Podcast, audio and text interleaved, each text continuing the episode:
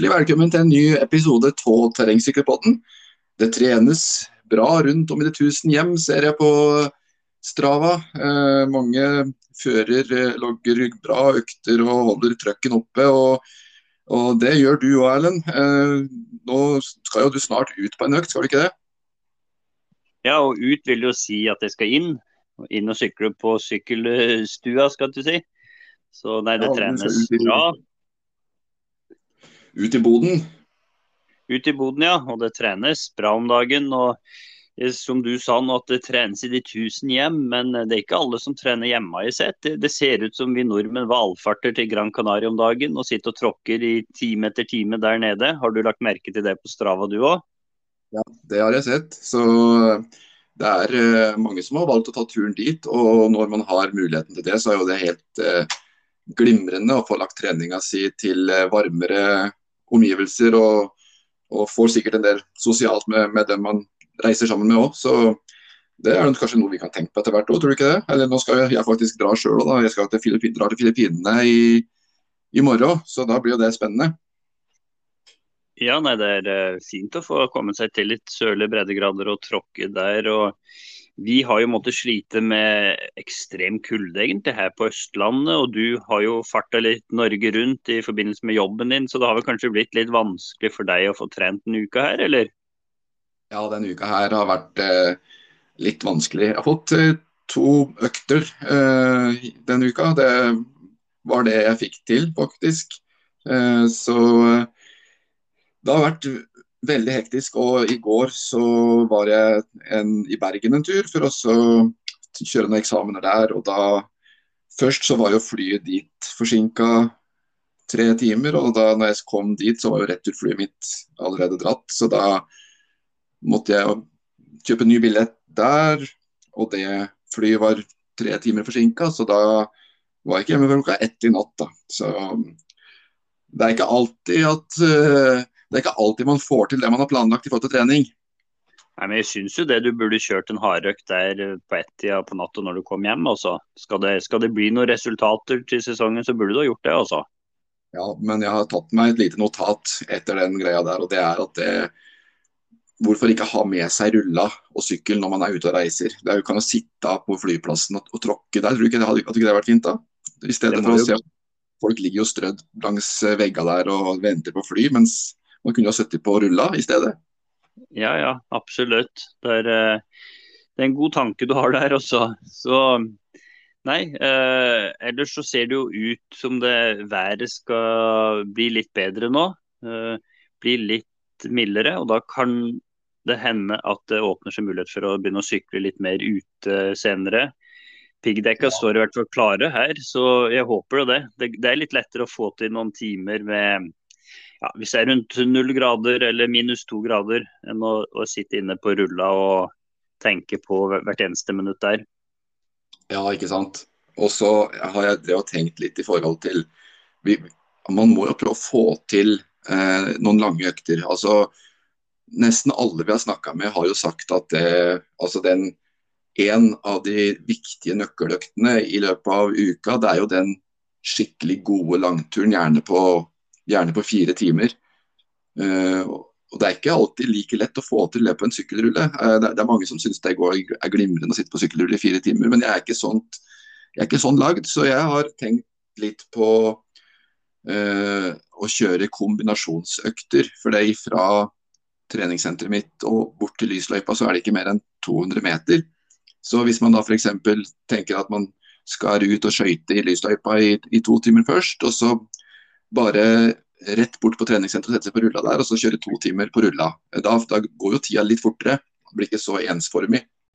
Så vi, vi, vi, må jo holde treninga oppe her. Vi, vi, skal jo ha med flere gjester i dag som uh, står som bevis på det at å trene det kan uh, bære frukter, kan få resultater i forbindelse med proffkontrakter. Og det å bli proff er jo både drømmen eh, til begge oss, så vi må jo bare få trent og lagt ned arbeidet som må ned. Jobben må gjøres, den vet du. Skal vi, bli, skal vi nå profflivet? Nei, så eh, det er, det er sikkert og visst.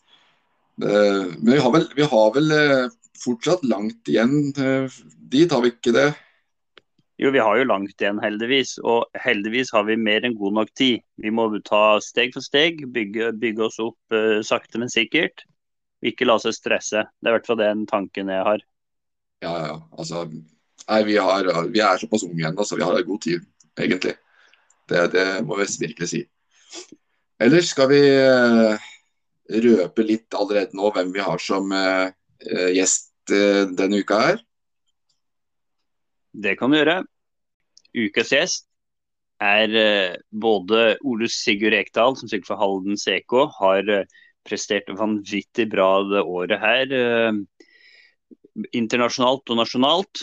Norgesmessig kortbane i seniorklassa, til tross for at han bare er 21 år. Så har vi med oss Elisabeth Sveum. Hun har drevet på i mange år, hun. Alltid holdt høyt nivå og har et enormt engasjement i, innenfor terrengsyklinga på, på, mange forskjellige områder der. Så det blir veldig spennende å høre hva ukens gjester uh, har å si. Men uh, før vi går over til dem, så har vi jo en sånn fast spalte. Og denne gangen så uh, tenkte jeg vi skulle se litt på det her med ernæring under sykkelritt. Da, hva de sa i, i gamle dager. Så kan ikke du lage en liten sånn trudelutt? Her kommer det. Det er også et til en del treningsspørsmål at en kan tvinge sin kropp til å utrette et hardt arbeid uten at den får noe eller blott ringe næring så lenge arbeidet foregår. Det finnes utvilsomt mange der ikke kan oppnå et slikt herredømme over sin kropp, og som ville falle totalt sammen om de plutselig ble overfalt av hunger. Et godt eksempel herpå inntraff i den 1.11.1914 arrangerte løp Lombardie rundt, 235 km, som gjerne foregår som en avslutning på den italienske sykkelsesongen. I rittet deltok de fem bekjente italienske ryttere Agostini, Bertarelli, Piaco, Beni og Bordin. Ved kontrollstasjonen i Como var det en matstasjon Idet de fire andre av de nevnte ryttere trenger seg fram til matbordet, springer Agostini efter at ha undertegnet kontrollisten i salen og forsvinner mot det 100 km langt borteliggende mål Bergamo. 45 km fra mål er han tre minutter foran og føler seg sikker på seieren. Da angripes han plutselig av en brennende hunger og faller sammen, han tar seg imidlertid opp igjen og kjører 3-4 km med en fart av 35 km i timen, men må da gi opp og se sine kamerater passere seg. Nå sluttet han uplassert, hvorimot han om han hadde unnt seg tid til å spise litt sammen med de andre, utvilsomt ville ha seiret. Selvfølgelig skal ikke en rytter spise for meget under et løp, hvis man ikke, i likhet med de amerikanske og engelske ryttere, herder seg til å kjøre et langt ritt uten å fortære verken vått eller tørt, så er det at anbefale å ta litt mat med seg. Man kan ikke alltid regne med at det finnes en matstasjon når sulten melder seg. Man bør derfor i lange ritt ha en liten beholder på styrestangen, i hvilket man kan medføre litt frukt, som pærer, aprikoser eller bananer. Epler derimot er mindre lettfordøyelige og fremkaller ofte en trykkende følelse. De franske syklister bruker fortrinnsvis sjokolade og sukker, og det er vel nærmest det riktige. Disse saker er nærende, og de stimulerer ikke alene, men de styrker også kroppen. Og man dertil et par bananer, utgjør dette alt hva den franske rytter bruker under et langt ritt. Om Petit Breton fortelles at han kunne kjøre det lengste løpet alene på sukker. Det kostet derimot samme rytterseieren i rittet Bordeaux-Paris 1912, da han 50 km fra mål drakk et koldt glass champagne og falt sammen. Han ledet da med ti minutters forsprang.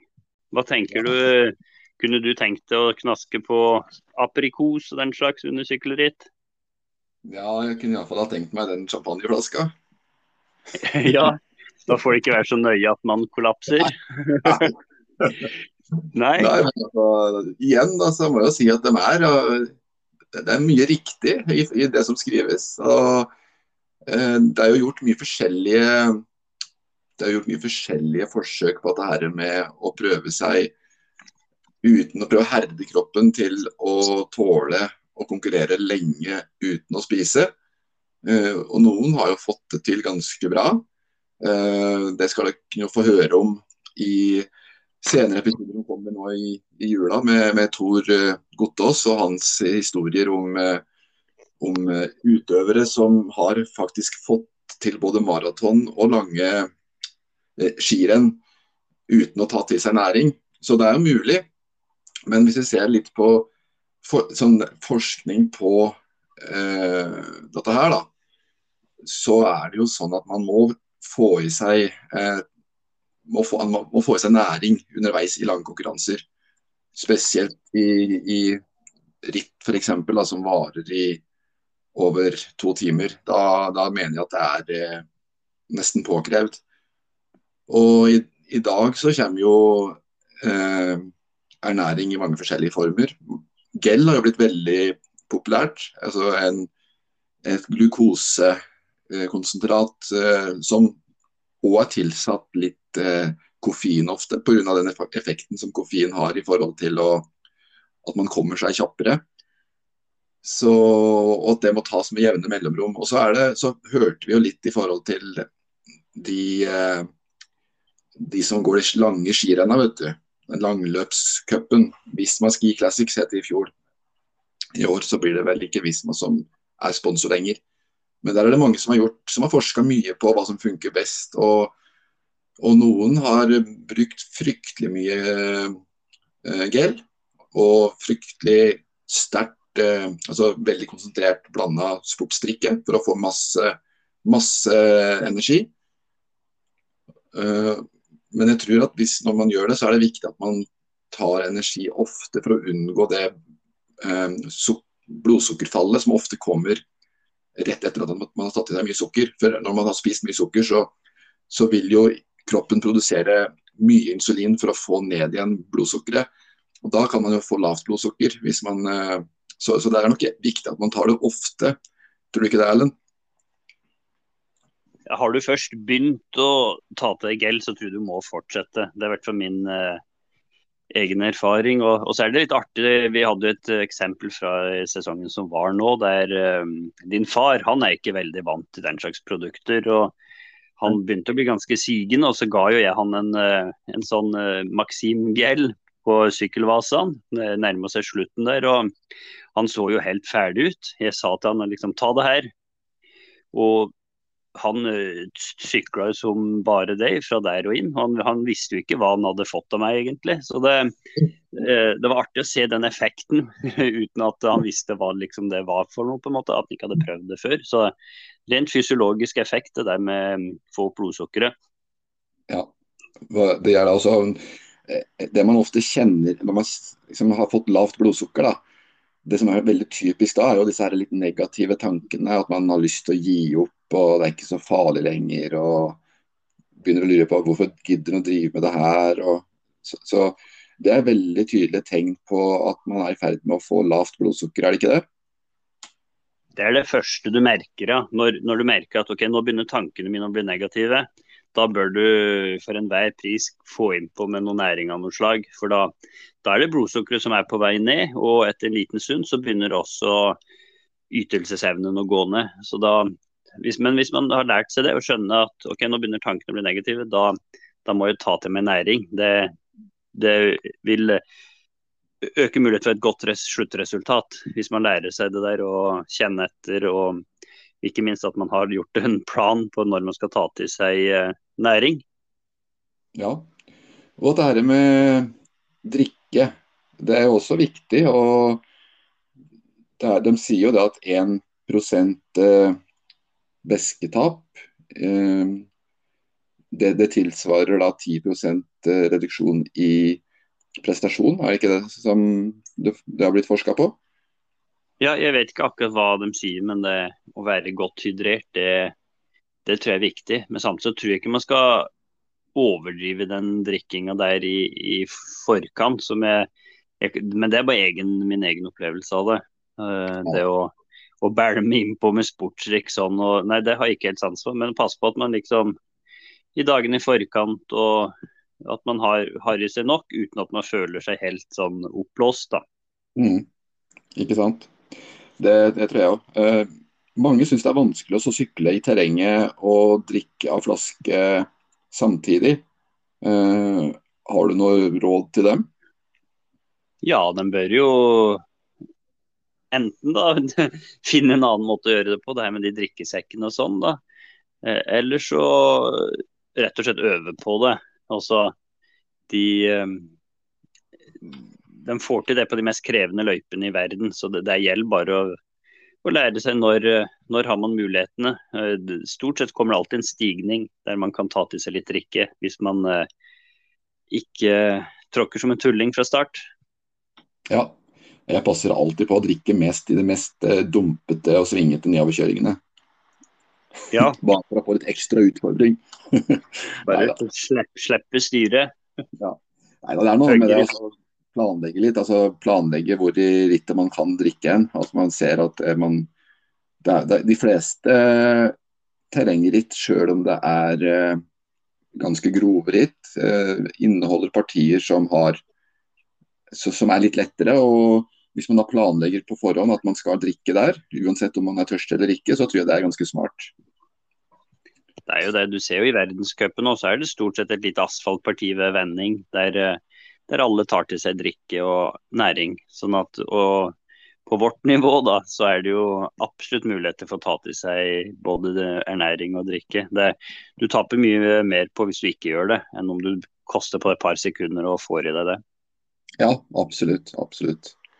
Ja, nei, men uh, dette her uh, ernæringstema, det er jo interessant, det. Det er uh, og veldig viktig for oss syklister. Så, men skal vi rett og slett gå over til ukas gjester, så kan vi jo starte med å ta første samtalen med Ole Sigurd Rekdal. Så spent på å høre hva han har å si.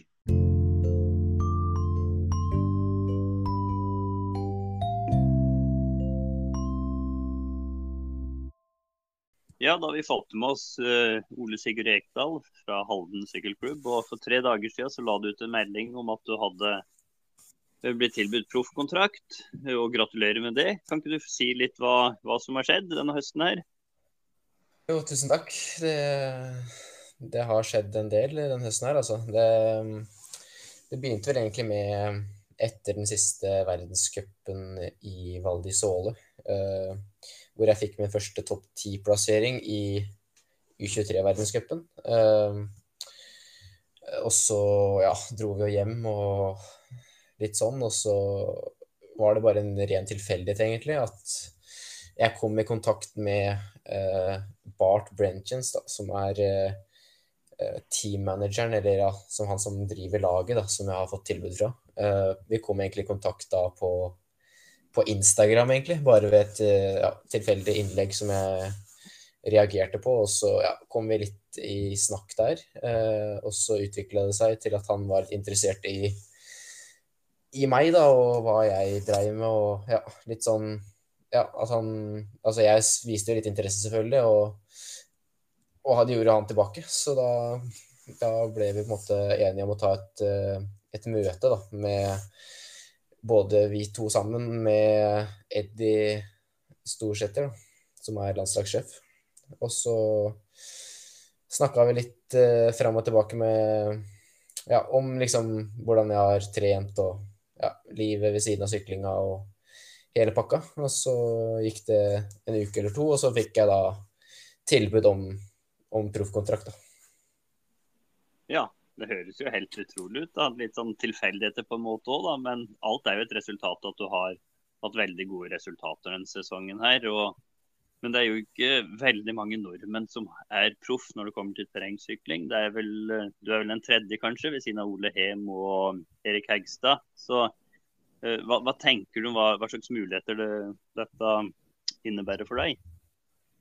Nei, altså Det er jo, ja, det er jo utrolig stort å bli uh, profesjonell terrengsyklist som nordmann. Det er jo ikke, det er ikke så mange som får den muligheten, først og fremst. Og så er det jo egentlig bare å gripe denne sjansen da med, med begge hendene og prøve å gjøre det beste ut av det. Eh, det vil jo selvfølgelig bli litt eh, Eller ganske mye nytt, da, når man mange andre ting man må forholde seg til. og og litt sånn. Så blir det på en måte en utfordring, det òg. Men eh, jeg tror, jeg tror det egentlig er positivt, og det er et steg som jeg har måtte, vært klar for å ta. Eller som jeg nå er klar for å ta, da. så jeg tror det skal gå, gå fint. Og så er det selvfølgelig ting man må tenke på som man ikke har tenkt på før, da. med tanke på ja, lag og ja, ny sykkel og alt av deler og ja, sånne små ting da, som som egentlig er ganske vesentlig. Ja, for nå, nå, blir det vel å sykle på Ridley, var det det som er uh, sykkelmerket til det KMC Mountainbike Racing Team? Ja, det stemmer. Så det blir nytt fra, nytt fra 2023. Ja, ikke sant. Det blir jo spennende. Og um, de har jo en ganske sånn uttalt strategi det her mot um, ja, Olympic Games 2024 Paris. Har du begynt å tenke mer mot det sjøl òg, eller Hva, har dere prata på det? Siden det, det står ganske sterkt på sidene deres at de ser fram mot det. Ja, altså målet til laget er vel at liksom flest mulig, som, flest mulig fra det laget da skal, skal, få muligheten til å kjøre OL. Men eh, ja, som alle vet, så er jo det, det, er et, veldig, det er et utrolig trangt nåløye. Og det er ikke noe, noe jeg tenker mer på nå enn jeg gjorde før. Det, det får man egentlig bare ta når den tid kommer, og så får man prøve å gjøre den jobben som kreves for å komme dit eh, i mellomtida. Ja, uh, det ser ut som det er fra januar at selve oppstarten, altså at kontrakten det gjelder fra, stemmer det, eller? Ja, det stemmer. Hva, hva, vil det innebære i forhold til den daglige treninga? og Skal du være på noen samlinger med det laget, eller vil du følge treninger som vanlig fra din hjemlige base? Nei, det blir veldig mye blir likt som før. Jeg beholder på en måte eh, den dagligdagse strukturen som jeg har nå. Jeg kommer til å fortsette å bo i Norge og trene med, med de faste treningskompisene mine fra landslaget. egentlig Fortsette med det. Og så vil det være eh, vil det være noen treningssamlinger eh, med laget. da, hvor vi annet skal vi til eh, Sør-Afrika i februar. Så det blir kult. Ja, det, har det litt sammenheng med at han Bart Brentin, som teamlederen, da, han, han, har jo vært mye og sykla nedi der, har jeg sett, og vunnet mye av de rittene der nede. Er det derfor han valgte Sør-Afrika, eller? Ja, jeg tror altså Sør-Afrika har jo utvikla seg til å bli et sånn sykkelparadis, spesielt på vinterstid i løpet av de siste ti åra. Så har det egentlig bare utvikla seg. Det er jo tydeligvis veldig gode forhold der, og det har blitt bygd en god del Eh, hva skal jeg si, rundbanespesifikke stier og løyper der nede. Så jeg tror det er mange som, som velger å ta turen til Sør-Afrika. Og så er det et etapperitt vi skal sykle, sykle der nede, da, som er, over, som er fire etapper. Som er et, eh, ja, et slags maratonritt, egentlig. Der man er to og to på lag. Ja, ja det høres jo veldig artig ut. Um, har du røkket og Eller kjenner du noen av de andre teammedlemmene fra før, eller? Nei, altså har Det har egentlig bare vært litt sånn tilfeldig. altså Man har bare møtt noen på langs på oppvarming eller noe sånt og bare snakka litt. Det har ikke vært noe Det er ingen jeg kjenner godt, egentlig. Så det blir å bli morsomt å bli kjent med noen andre uh, Altså bli kjent med de andre på laget, da, så raskt jeg møter de. Men uh, jeg skal nedover en tur i januar, da, hvor vi, hvor vi forhåpentligvis blir litt bedre kjent og ja, blir litt sånn uh, Ja, det blir egentlig litt sånn oppstart, da av hele greia. Ja, og skjønte sånn at du er en av to da, som er, tilhører liksom U23-klassa på det laget, eller er det enda flere signeringer der? Nei, sånn som jeg har forstått det, så er vi to, to U23-ryttere. da. Det er jeg og en fra Ukraina som er eh, U23-ryttere. Så det, det, blir oss to som kjører eh, da menn, men U23. Ja, han Sasha Hudima. Jeg stemmer. Ja, Nei, det høres jo veldig spennende ut. Ehm, men eh, sånn videre utover sesongen, da blir det mindre at du deltar på også gjennom landslaget? Blir det så du da konkurrerer for klubbens drakt, på samme måte som Erik Hegstad gjorde? Ja, altså alle ritta internasjonalt utenom mesterskap, da, som f.eks. Eh, VM, så vil jeg jo kjøre for, eh, kjøre for laget. da. Så det blir jo vesentlig mye mindre deltakelse for landslaget sånn sett. Ja. Nei, um, han eh, Bart Brentjens, da kjente du til han fra før, liksom med navnet, tenkte jeg, før du kom i kontakt med han nå? Ja, jeg, jeg har eh, faktisk, eller litt sånn tilfeldighet, møtt ham på, en, på, flyplassen og litt sånn tidligere, og han er jo på en måte vært Han er en sykkel, på en måte litt legende i, i sykkelmiljøet, eh, med tanke på at han var den første som ble olympisk mester i rundbane. Og så har han jo vært kommentator for eh, Red Bull da, på alle disse sendingene i ganske mange år. Så Så jeg kjenner jo til typen. Ja, så da får du jo en som virkelig kjenner bransjen veldig godt, og det, det kan jo være en god ting, det. Ja, jeg tror det bare er positivt. Og han virker som en veldig positiv og, og frampå type som er gira på, på, å gjøre det beste for rytterne sine. Så jeg er veldig positiv til eh, den sesongen som kommer nå. Ja. Nei, så eh, Ingar, har du noe du vil spørre om? Ja, masse, vet du. Så sitter her og, og tripper. så, er, eh, så vi, har jo, vi, har jo, fulgt deg gjennom den sesongen som uh, har vært. Og du har jo utvikla deg uh, veldig veldig raskt, uh, syns vi. Altså det, det, steget du tok bare på det, det siste året, syns jeg var veldig rått. Men hva, hva, tror du den, det at du nå har fått uh, proffkontrakt, hva vil det gi deg av altså, videre utviklingsmuligheter? Nei, altså, jeg tror jo altså, jeg tror det er på en måte viktig for Hvis man tenker å se en lengre karriere innenfor terrengsykkel, så er det jo viktig å, å ta det steget så fort man får muligheten, egentlig, og prøve å eller egentlig se hva det innebærer, da, og, og, faktisk prøve å leve av det. Og det vil jo være hva skal Man si, det, man vil jo være mer attraktiv da, for, å, for andre lag kanskje i, i framtida, og, og, liksom utvikle seg til å bli en profil da, uh, i større grad enn for når man kjører for landslaget, så er man kanskje litt mer anonym i den grad. Mm. Ja, man er jo det også. Jeg vil jo tro uten at jeg tør å si det for sikkert, men jeg vil jo tro at det kanskje er et lite stressmoment òg. Det, det, å ikke ha noe særlig inntekter. For, for, det var vel sånn tidligere, var det ikke det? At du da måtte sykle og du, du hadde det liksom ikke det var, du sykler opp på ekstremt høyt nivå, men samtidig så har du ikke så veldig store inntekter. Nei, det stemmer det. Så det, det vil jo være en betryggende faktor at man har man har på en måte det man trenger, og man får den supporten og alt det er på plass allerede. Så så da er det egentlig bare å vite at det er i orden, og så må man bare stille forberedt på start. Ja, man må egentlig bare ha gjort jobben. Så, ja, det, nå... det, er jo det, er seg, det, nok, det kan være nok i seg sjøl å, å, gjøre den jobben der. Altså. Så, men eh, herregud, det hjelper eh, en god del å ha, å ha de ressursene i ryggen. Ja, både sikkert i forhold til det som vi snakka om, det med at man er tryggere, men samtidig så vil jeg tro at det er veldig motiverende nå å bli plukka på et profflag.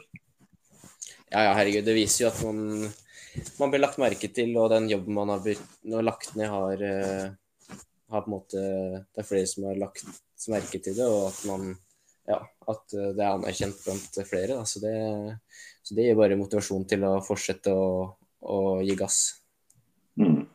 På, den, på den tida her på året så er det jo mange som syns det er litt vanskelig å motivere seg og, og, legge ned nok timer, selv om det er den tida her det kanskje er viktigst å få legge ned nok timer. Hvordan løser du det? det får du trent uh, som planlagt? Ja, sånn for min del så har det egentlig fungert, fungert veldig greit i år. Altså, det har vært, uh, har vært mye i, altså, si, i Oslo og Halden-området uh, fram til fram til tidlig desember, hvor vi dro til Spania, hvor jeg er nå. Så vi har her har vi fått gjort eh, ekstremt mye bra trening da, på, på, stier og bart underlag, da, som er viktig å holde ved like sånn på vinterstid for oss. Og så Før jeg dro, så hadde det ikke kommet noe særlig med snø, så jeg har egentlig fått sykla ekstremt mye ute egentlig gjennom hele høsten og vinteren så langt. Så det har vært, eh, det har vært heldig sånn sett. Det har vært eh, minimalt med rulleøkter. Ja, ja, det høres jo helt strålende ut. Så du er i Spania nå, ja. Er det er det noe særlig rundbanemuligheter der, eller er det stort sett at man må sitte og sykle på, på veier? Nei, det er faktisk eh, veldig bra eh, fasiliteter for rundbanesykling her. Det er eh, faktisk et rundbaneritt som går her i februar, eh, som jeg vet flere av de andre landslagsutøverne skal kjøre. Jeg er i Sør-Afrika når det rittet går her, men eh, så det er faktisk en en veldig fin løype og en runde her som vi kjører mange av de nøkkeløktene og hardøktene i løpet av et opphold her nede. Og så er det, har vi etter hvert som vi har vært der, opparbeidet oss ganske bra kunnskap på stier og et godt nettverk rundt der, da, som vi klarer å vi klarer å kombinere både grus og litt vei og ganske mye sti, da, som, er, som er, har god kvalitet og ja, som egentlig er ganske ganske fine å trene på. Så nei, det er veldig, veldig optimalt her, her nede vi er nå. Ja, det høres virkelig sånn ut. Så det er jo ritt der, som du sa, i, i februar. Det, eh, går det noe verdenscup i den eh, rundbanen på sommeren her, i sesongen? Nei, her er det bare Jeg tror det skal være et uh, samme kategori som det pleier å være på de fleste norgescupene. Kategori 1-ritt som UCI-status. da. Så det er, uh, det er ikke noe verdenscupstandard på løypa, men det er mer sånn spansk cup, da. Som, uh, som mange syns er morsomt å være med på. Mange, det kommer til å være mange som stiller på den i februar for å liksom kickstarte rittsesongen ganske tidlig, men det er jo en god del ritt allerede i februar-mars som det er mulig å delta på. Så jeg tipper nok at mange er sultne allerede fra, fra midten av februar. Ja, ikke sant. Og her, her eh, i Norge så er det fortsatt masse snø i februar som regel. Iallfall oppi her vi holder til. Da, så jeg er litt misunnelig. ja, nei, altså Nei, jeg tror det blir Det er i hvert fall utrolig viktig for oss å å få et sånn godt opphold her nå før jul. Og jeg ser jo at det har kommet ganske mye snø hjemme nå, så jeg tror ikke det hadde vært så veldig motiverende å drive og putte ned så mange timer på sykkelen som vi gjør her nede hjemme nå. Nei, ikke sant. Ikke sant. Så er det i forhold til det nye proffteamet som, eh, som du har blitt tatt opp på, er det sånn at du må sykle, eller er det noen utvalgte konkurranser som du er på en måte pliktig til å stille på?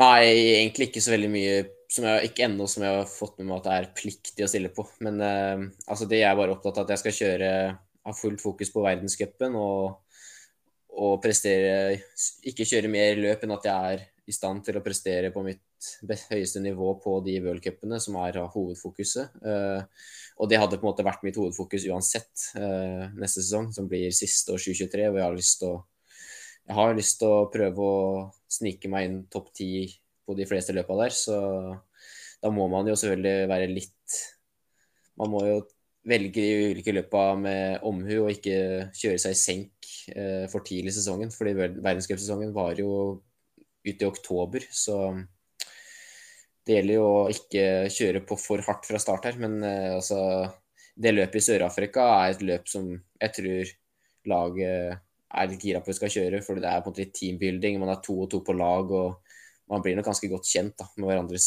styrker og svak. Ja, absolutt. Det er, eh, det er kjempespennende. Så vi, vi, har jo kjørt noen sånne her eh, parritt, eller noen, det er jo et stort sett Trans-Østerdalen vi har kjørt. da, mm. Eh, det er jo sånn parritt. og da, Det er jo på en måte han lærer, lærer hverandre å kjenne. og jeg synes jeg har veldig sansen for det, så jeg skulle ønske det var flere sånne typer ritt i Norge egentlig òg.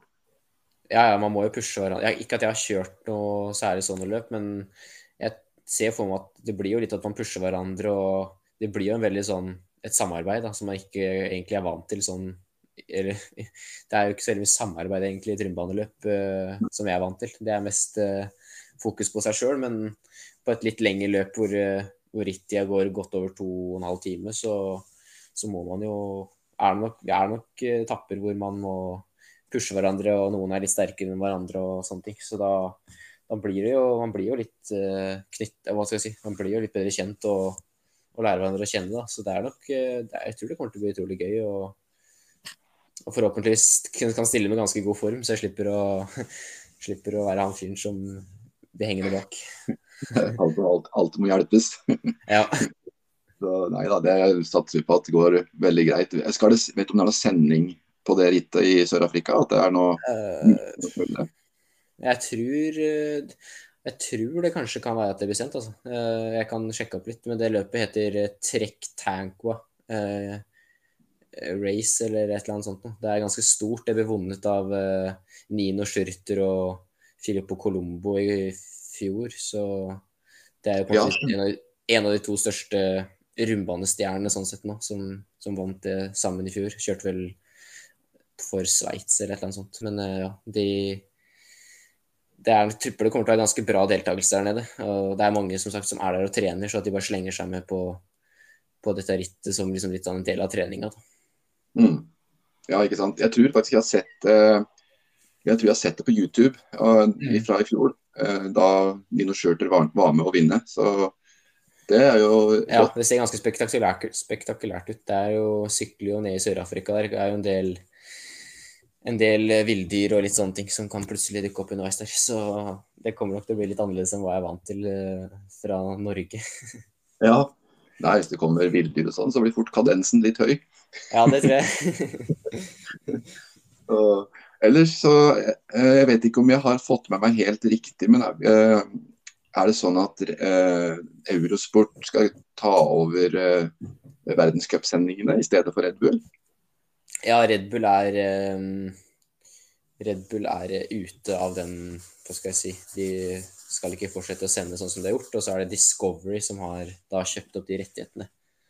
Ja, stemmer. Discovery var det, ja. Stemmer. Så da vil det nok være blir mye som blir sendt på Discovery Pluss og den plattformen der, da. Uh, Istedenfor uh, Altså, Red Bull er da helt ut fra rundbane, så det er på en måte litt trist. fordi det har jo på en måte vært veldig greit å bare gå inn på på Red Bull sånn sett, men så tror jeg også at det kan skape, skape mange andre hva skal jeg si, mange andre som får opp øya da, for terrengsykkel, og det er jo bare positivt.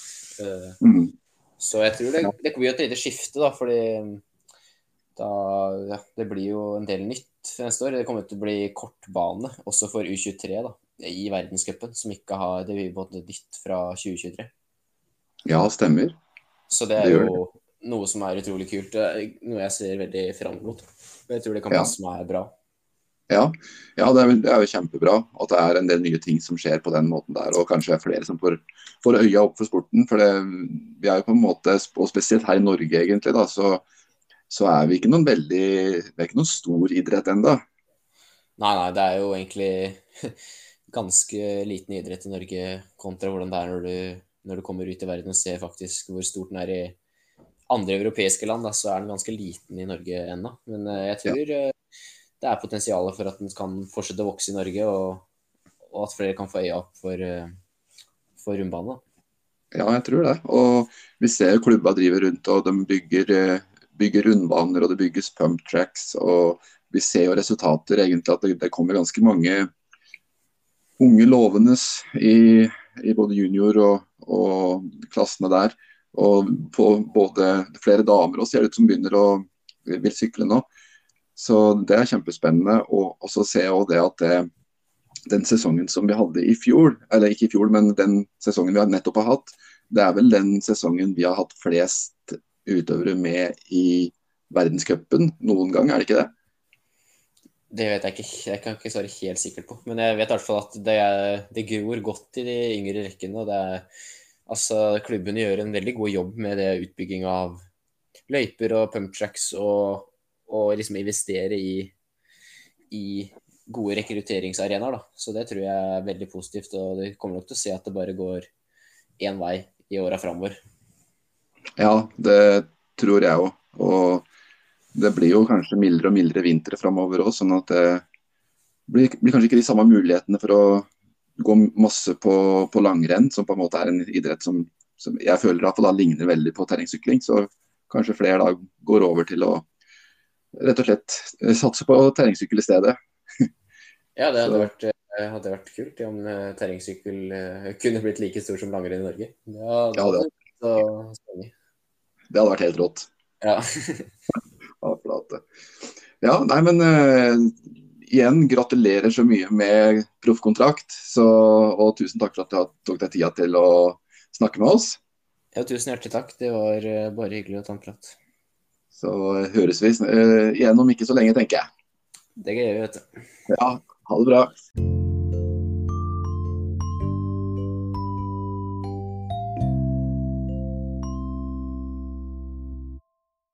Ja, da er vi så heldige at vi har med oss eh, Elisabeth eh, Sveum. Vi har jo fulgt deg tidligere på noen episoder før og snakka både om eh, Du har drevet med kartlegging og lagt sånne her sykkelløyper og kartlegging av fine sykkelløyper i, i, Norge. Og grunnen til at vi eh, har med deg nå, er at du har faktisk fått eh, ny kontrakt med Rida, stemmer ikke det? Jo, det gjør det. Det er jo kjempe veldig, veldig bra, da. Så det er jo en viktig brikke for neste års uh, satsing. Det er det. Uh, mm. Så det blir jo litt mer enn bare det å sykle, da. så ja. det blir et veldig kult samarbeid som åpner opp for muligheten for å gi noe tilbake til, sykkelsporten og ja, inspirasjon og ja, motivasjon og aktivitet mot barn og unge og litt sånne ting da, som jeg har i bakhodet. Så ja, det, det blir kult.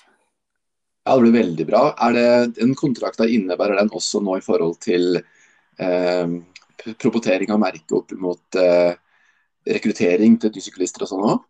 Uh, nei, nei, nå er det bare sportslig uh, Ja. da. Men ikke sant, sånn uh, Vi har jo Ja, vi tenker litt Har samme verdier og ja, igjen uh, Det handler jo om å ha det gøy på sykkelen, ikke sant? Ja. det er jo på en måte det som uh, og, være ute i skog og mark og ja, uh, god helse og litt sånne ting. Og det Ja. Få flere Ja. til å Det er litt sånn Ja, inspirere flere til å begynne å sykle og finne gleden i det, da. Eh, så i en, Ja, det er det, men med litt mer enn bare resultater, da. Eh, Men kontrakten er jo sånn sett sportslig, men det er jo eh, Ja, faget mitt er jo å være mediegrafiker og mye erfaring innen markedsføring også, så det vil jo selvfølgelig utnytte det ja, absolutt. I sa- sponsorsamarbeid med Merida. Ja. Mhm. Ja, eh, er det sånn at Har du vært på Har du hatt mye kontakt med Merida tidligere òg, eller? Jeg sykla jo på Merida Det var noe som heter Merida Smart Safety Teams eh, i 2011. Så det var jo da jeg på en måte Ja, det var da jeg skapte en relasjon da, til Stian Ja. Alle, alle de folka som jobber der, da. Eh, De er jo skifta ut, da, men Stian Steen Olsen har jo, eh, er jo administrerende direktør, og er jo det fortsatt. Så, ja. Så det er jo sånn eh, Sykkelmiljøet er jo ganske lite i Norge, da. Så man har jo da Når man treffes, så prates man jo. Så veldig stas å være endelig del av Merida-familien igjen, da. Det syns jeg. Eh, Ja, virkelig. Det, det skjønner jeg. altså. Det er, må være utrolig moro og, og utrolig motiverende. da, også på en måte Ja, få bli en del av det teamet der. ja, ja.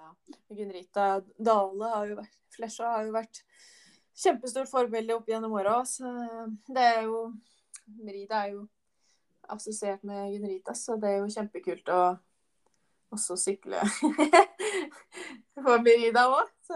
Ja. Det kommer til å bli langt. Store forventninger til deg nå, eh, hvis du skal på en måte tangere Gudrita. ja.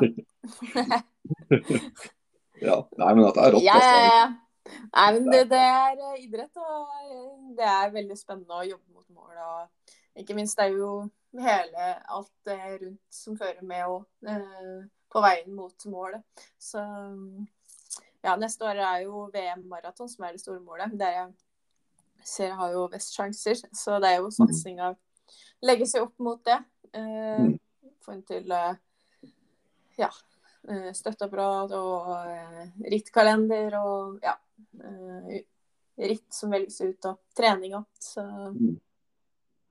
Er det sånn at Merida har valgt ut en del ritt som du på en måte nest, nesten litt plikter å sykle, eller er det sånn at du er fristilt i forhold til eh, akkurat sånne ting? jeg velger sjøl. Men dette er jo ikke et team, det er jo samarbeid med Merida Norge. Ja, Som, Ja, ikke sant? Ja. ja, ja, ja, ja. Men jeg må bygge mitt egen satsing. Og det er det med team, da. Det er jo samarbeidspartner, sponsor og støtteapparat som er på en måte mitt team, da. Ja, Eh, ikke sant. ja, sånn. Eh, Og uh... Har Merida mange andre som er, på, som er på kontrakt med dem, eller er det bare du nå? er eh, to stykker. Det er meg og Gunn-Rita. Ja, ja ikke sant? Det her er jo en ja, Så vidt jeg veit, da, så er det her en eh, veldig eksklusiv avtale. Og ja, jeg er veldig ja, privilegert. Og eh, det er veldig stas å ha muligheten uh, til å Ja, få en det- sånn type samarbeid. Så det er det. Uh, og så får vi se hva Jeg gleder meg i hvert fall. Ja, det er klart. Dette er jo helt fantastisk morsomt. Så det, Mm. det å bli tatt opp på det teamet der, det er eh, helt eh, rått. Er det, eh, tenkte på, Nå er vi på en måte i, i en eh, periode på året som eh, ja, kanskje er ikke så altfor lett å motivere seg på for å legge ned nok mengde og, og sånt, men det sliter ikke du med sikkert? Ja, det, jeg vant jo sykkel-NM, ja. Det er vel eh, tre uker siden nå, hver så. Ja. Eh, Sykkelcross var det, ja. Eh, så jeg har hatt litt off-season etter det, faktisk. Ja, ja ikke sant? Trente lystbetont og ja. eh, Jobba ikke minst med sponsorer. Det er jo veldig viktig. Og Ja. da har det jo blitt en del eh, eh, litt møter hit og dit, da. Men det er jo fin tid å bruke. Har vært det nå. Jeg skal jo Ja. alle sponsorer før jul, så nå nærmer vi oss. Ja, ja, ja. ja. Eller jeg. det ja. veldig greit å få noen sponsorer altså, som har på en måte litt, litt Mm. økonomisk eh, støtte ved siden av altså, satsinga. Det er klart at du, du bruker sikkert eh, ganske mye timer i løpet av både uke og måned på, på trening og det å prøve å bli best mulig. og da, Ja. da er det kanskje da er det godt å ha noe økonomisk tilbake òg, da. Ja, ja, ja. Det, man er jo helt, det er jo essensielt, det. Så um, det legger jo forholdet bedre til rette. Så, Ja. um, så planen er jo å lande en del neste uke før jul, og så um, rette fokuset mot det med trening og ha fokus på det sportslige, da. Ja, Eh, så nå har det liksom vært mye sånn eh, mye logistikk og mye Ja. opp mot sponsorer og, og sånne ting nå på den tida her. Og så blir det sikkert masse masse trening da når vi, når vi bikker nyttår. Ja. Og så passer det bra liksom, når jeg har hatt så lang eh, sykkelcross-sesong, så er det viktig å på en måte tørre å ja, eh, senke ned treninga, selv om det er jo det jeg er minst god på. Ja, ikke sant. jeg er så glad i å trene. Ja. ja, det er jo så Godt å og noe er bedre, enn å være glad i å trene når man, eh, når man driver med det her. Så du har jo, du har jo på en måte ved sida av all treninga di, så, så driver du et eget eh, firma som heter S-Design, ikke sant? Ja, det stemmer det. Ja. Så jeg lager jo design i hjemmesider og reklamemateriell. Og ja, markedsføring og Ja, så det òg er jo en Det går jo litt hånd i hånd med like krevende det som uh, toppidrettssatsing. Det er det. Ja, ikke sant. Det er å drive for seg sjøl og prøve å bygge, bygge noe eget. Det, det krever Ja. sitt. Ja, du må jo jobbe med å få kunder, og du må jo levere og gjøre en god jobb. Og ja, det er jo prestasjon. Så ja. det er disiplin, disiplin og det, det, altså det er samme mentalitet veldig mye da, i business som eh, toppidrett, faktisk. Sånn. Ja, altså det er mange Man er trekker mange, mange Mm. paralleller ja, mellom det å drive business og det å drive toppidrett. Det er det ingen, ingen tvil om. Nei, så, men det jeg, For meg så er det kjempegod avkobling. Eh, liksom alt med måte, da. Noen ganger så kan det bli litt mye, men eh, ja, jeg har gjort det her i Kombinert det her i ti Nei, det er jo lenger, vet du. Siden 09. Men jeg har vært selvstendig siden 2012, da. Sant. Ti år. 20, altså ca. ti år, da. Ja. Så, ja, nei, tida den Så flyger, da begynner man å ha litt erfaring med at dette det, ja, Det, det gjør det. Passer. Det er liksom. Ja. Man vet liksom hvor eh, nå, nå, nå må jeg liksom Ja. Det med energi og hvile og Ja, det er jo det puslespillet. Men eh, jeg er så heldig, da. Privilegert og kan eh, styre hverdagen opp mot en toppidrettssatsing så langt det lar seg gjøre. Så, Ja. Det er kanskje fordelen da, med å være selvstendig næringsdrivende. At man kanskje styrer sin egen arbeidsdag litt mer enn de som er sånn fast ansatt fra åtte til fire f.eks. jeg styrer eh, definitivt. Eh, Men igjen, da, så krever det jo at du er disiplinert samme måte som trening. Ja, det blir er for jobb. Ja, det blir absolutt det samme, altså. Det blir akkurat helt likt, da. Det gjør det. Ja. Ja. Så, men Han det mm. Ja, han Erlend sitter jo i bakgrunnen her og, og lytter. Um, du har sikkert um, en del å spørre om du, Erlend? Ja da, og um, jeg syns det hørtes veldig spennende ut det her. Uh, Merida har ikke så veldig mye kunnskap til, uh, annet enn at jeg vet at det er jo sykkelmerke. Uh, kan du si litt om Merida? Er det et rent norsk produkt på en måte å merke, eller er det et internasjonalt? Det er jo fra Taiwan. Det er jo et det er jo kjempestort sykkelmerke. Det er det. Så Merida sykkelfabrikken ble starta i Taiwan i 1972. Og er jo uh, en av verdens nest største sykkelprodusenter. Det er den. Så det Ja. Det Merida distribueres i 77 land over hele verden, faktisk. Eh, så det er jo ganske svært. Det er det. det ja, absolutt. Ja, er det, det er det, har de sykler innenfor alle kategorier, både MTB og, og landevei, eller? Ja, det er det. De har jo um, fulldempa sykler. Uh, det har jo da uh, De har jo stisykkel, elsykkel, hardtail, uh, også landveier. Eh, og så har vi gravel, da. Det har Ja. Det har veldig Og for uh, barn og unge. Barn og junior. Og ja. hybrid. Så det er ganske stor range. Ja. Det er det.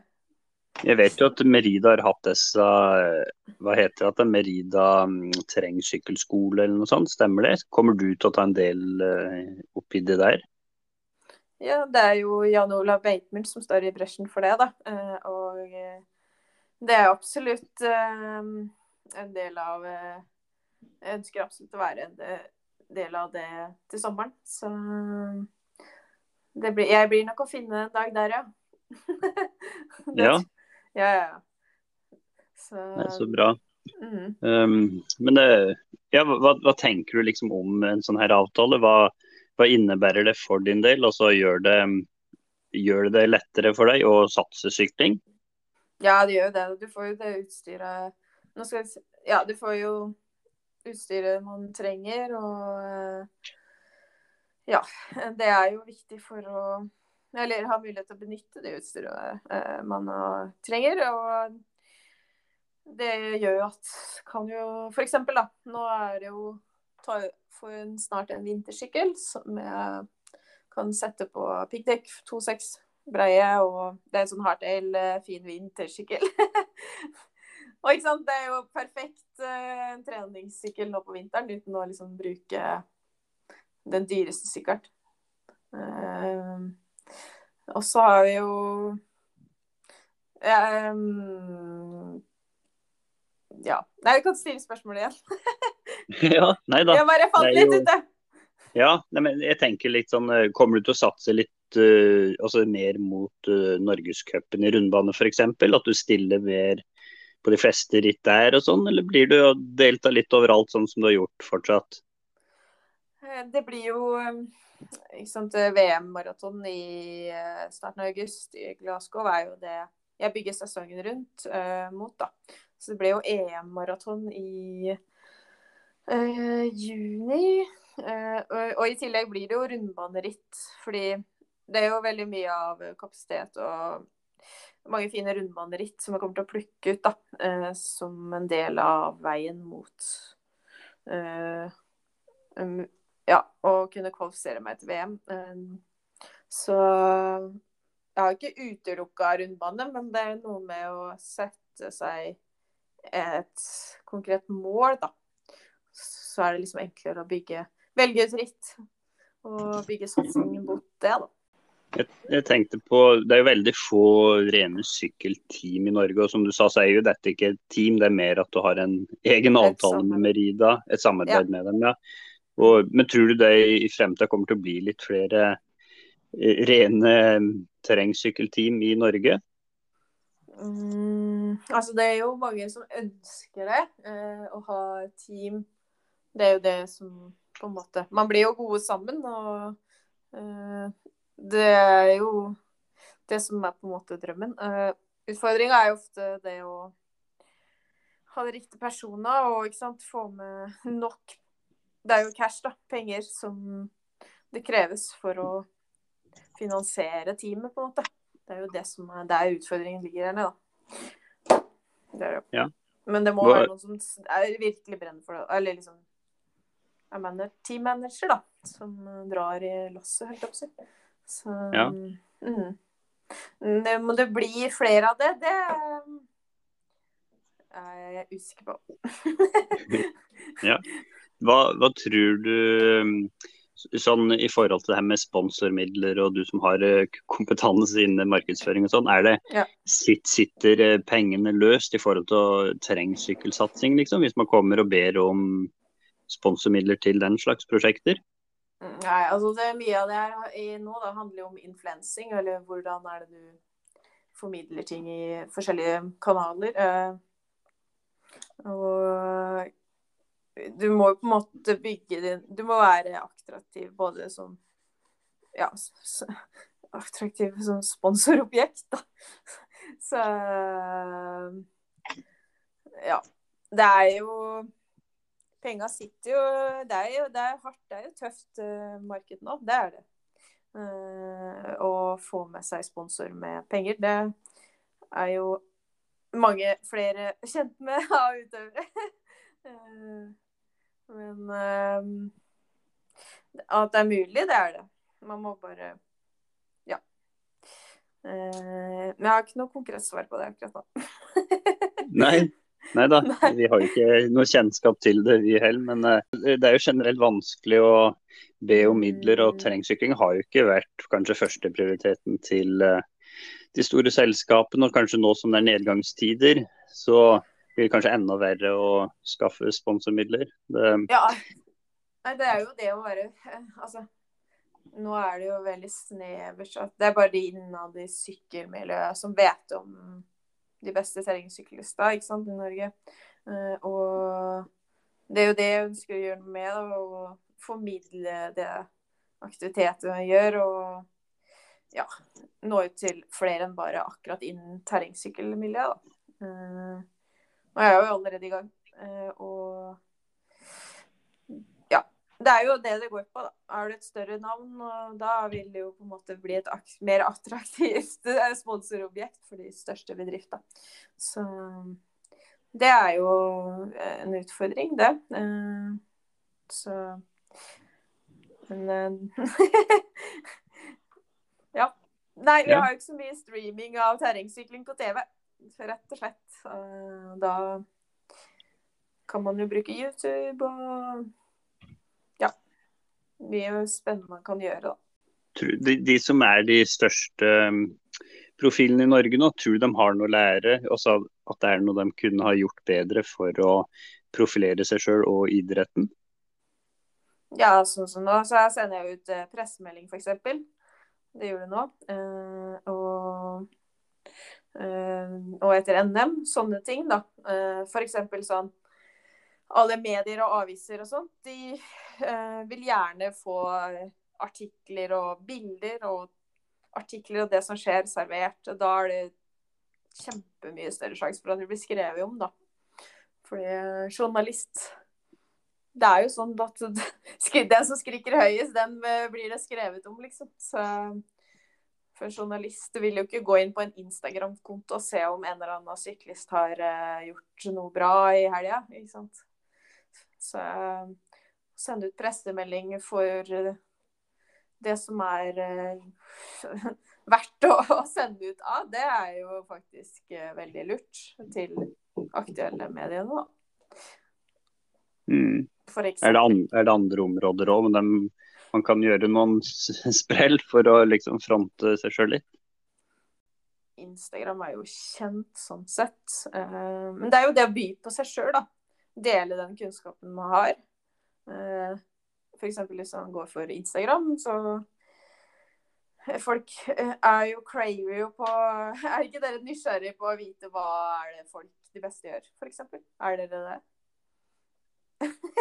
Vi er veldig nysgjerrige på det, ja. Ja.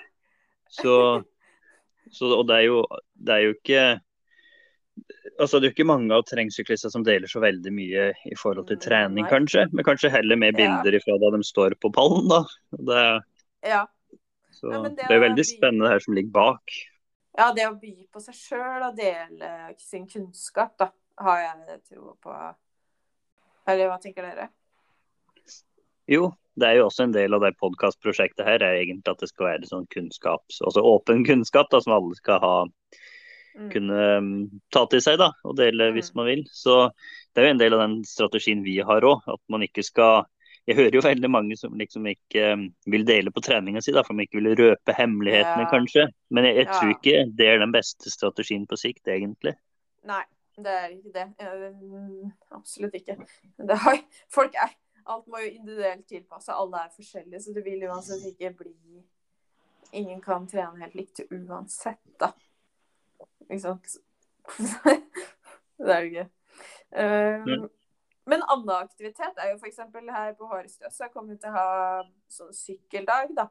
For barn og unge. Um, I fjor var det jo det, eller i år, da så var det sånn 100 unger som var her på sånn pump track. Og var sånn sykkelglededag da, på Harstad. Så det blir det jo neste år også. Og da blir jo jeg der, og så inviterer jeg jo Kan sponsorene mine igjen ha på torget her, kan du ha pop-opp-telt og ja. Jeg deler erfaring og ja, sånne type aktiviteter, da som er gavnlig lokalmiljø og samarbeidspartnere. da. Og barn og unge.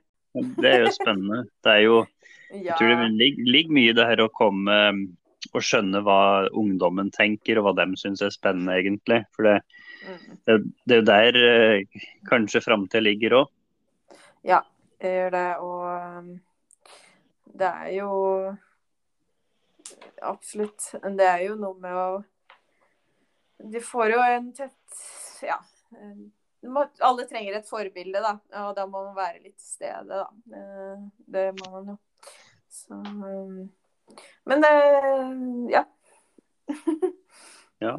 Men, men sånn, hvis man tenker på hva, mange her i Norge, da, så er jo det her med janteloven, og man skal liksom ikke vise seg fram. Og, ja. og, og tror du det er veldig mange av de beste syklistene i Norge som blir litt hemma av det der? Liksom At man ikke kanskje utnytter det potensialet som finnes i forhold til å skaffe seg sponsorer og, Ja. og, og kanskje ta det et steg videre fordi man rett og slett ikke tør eller vil fronte seg sjøl nok?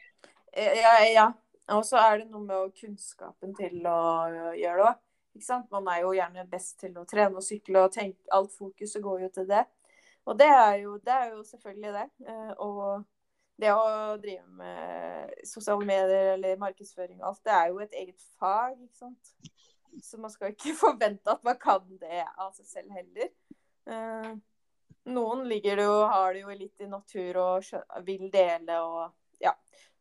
Da tar man det naturlig også. Det, men andre har det jo ikke, ikke sant. Så eh, Men eh, ja. Det er jo mulig å få hjelp til det òg. Det er ikke så mye som skal til, da. Nei. før, før Ja, men det, det, det, du er jo helt eh, har jo helt rett at mange ikke kanskje tør eller føler at eh, man har noe å komme med, da. Eh, Men eh, alle er jo, er jo unike på hver sin måte. Det er jo det. Ja. Mm. Og så, så vet man jo at eh, opp nå mot Paris-OL i 2024, hvor kanskje Norge får med flere deltakere, så, Mm. så er det også et rom der for å fronte eh, terrengsyklinga. For det vil jo bli fokus på dem som kommer til å delta for Norge der. Så Mm. det er jo gode muligheter i hvert fall nå uh, framover, tenker jeg. Ja, ja, det er absolutt. Det er jo det er jo kjempespennende. Og man må jo på en måte tørre å si hva som er målet også, ikke gjemme det vekk. Det er jo veldig viktig. Eh, Sånn som eh, hvis man skal ha med seg noen sponsorer, og da fortelle om planer og ja, eh, mål, og ikke eh, liksom være blig på hva man, eh, hvilken retning man skal, da. Det er jo Folk vil jo gjerne være med på en spennende reise. Ja, ja, ja det det er jo sånn, sånn. Noen som er Ja offensive og ja, tør å satse og ja. Nei da, men det er Man må på en måte vinkle det riktig òg. Det er jo det som utfordringen også ligger, da. I å hente Hvis du skal innhente en sponsor, så må du gjerne liksom eh, formidle eller liksom Du må vite hva de kikker på, da. For at de skal se på deg som et attraktivt sponsorobjekt. Det er ikke lett. Alltid. Nei.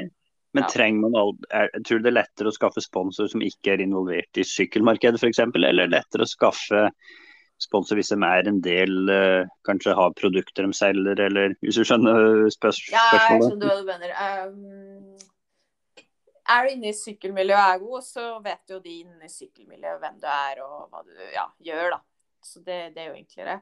Og utstyr også generelt er jo enklere å øh, for, å få spons på, da.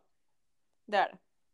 Mm. Mens det er jo cash, da er det jo gjerne det er, Der må man innhente gjerne andre uten sponsorer utafor sykkelmiljøet, da.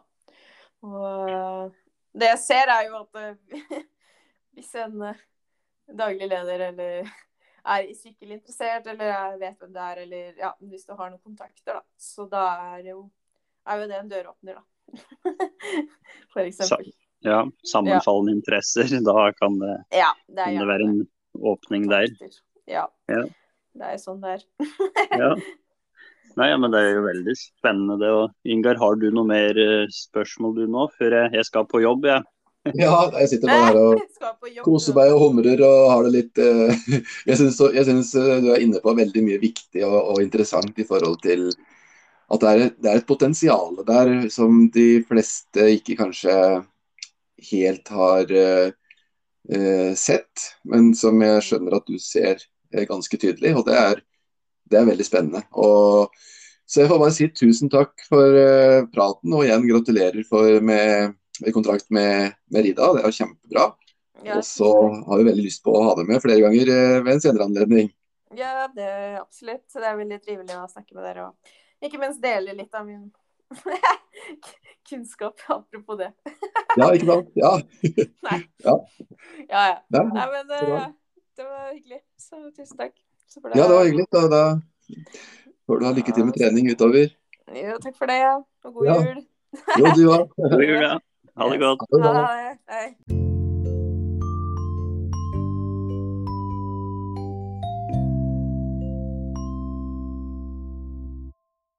Ja, da har vi fått hørt ifra Ole Rekdal og ifra Elisabeth Sveum. Og jeg må bare si at jeg, det jeg unner dem eh, skikkelig inderlig det her. Altså at de både har fått Ole har jo fått proffkontrakt, og, og Elisabeth har fått eh, kontrakt med Merida. Så det er eh, helt eh, fantastisk. Og alltid like morsomt å snakke med dem begge to. Så, og du er, du er på farten, Erlend. Du skal snart på jobb, skal du ikke det?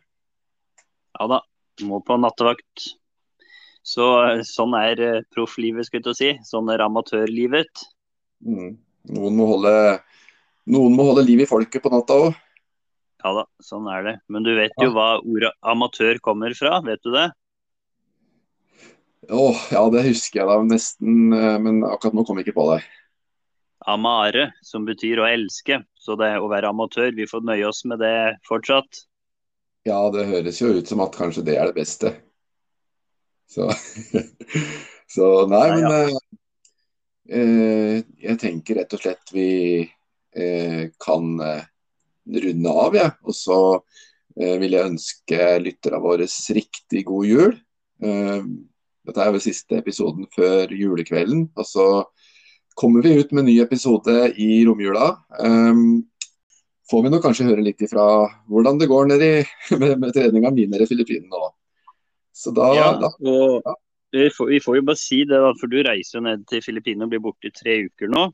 Mm, Og så er jo, uh, har jeg jo skjønt at din far er litt bekymra for at du skal bli kidnappa nedi der. Ja, han er veldig bekymra. Så Men kjenner jeg han rett, hvis jeg blir kidnappa der og kjenner jeg han rett, så kommer han til å bare si Just keep him. ja, endelig kvitt den. Ja, endelig kvitt. Ikke noe løsepenger å hente der. Nei, det er ingen løsepenger. Nei, ja. Vi får tro det skal gå bra. Det er, um, Ja, det er, det er man, må, man må vel ta sine forholdsregler når man er i utlandet. Sånn er det jo. Og det, du er jo kjent, har vært det flere ganger før. Så Ja da. Så jeg pakka akkurat sykkelen i sykkelkoffert nå, som jeg pakka ned for bare noen minutter siden. Så nå er jeg snart helt klar. Så får jeg bare håpe jeg får den med på fly. Så Ja. da får ja, men da får du ha en god, god tur dit. Tusen takk. Og så får du ha en eh, god, god vakt på nattevakt. Jo, takk for det. Så må vi bare ønske alle lyttere våre god jul. Så høres vi i romjula. Det gjør vi. Ha det bra.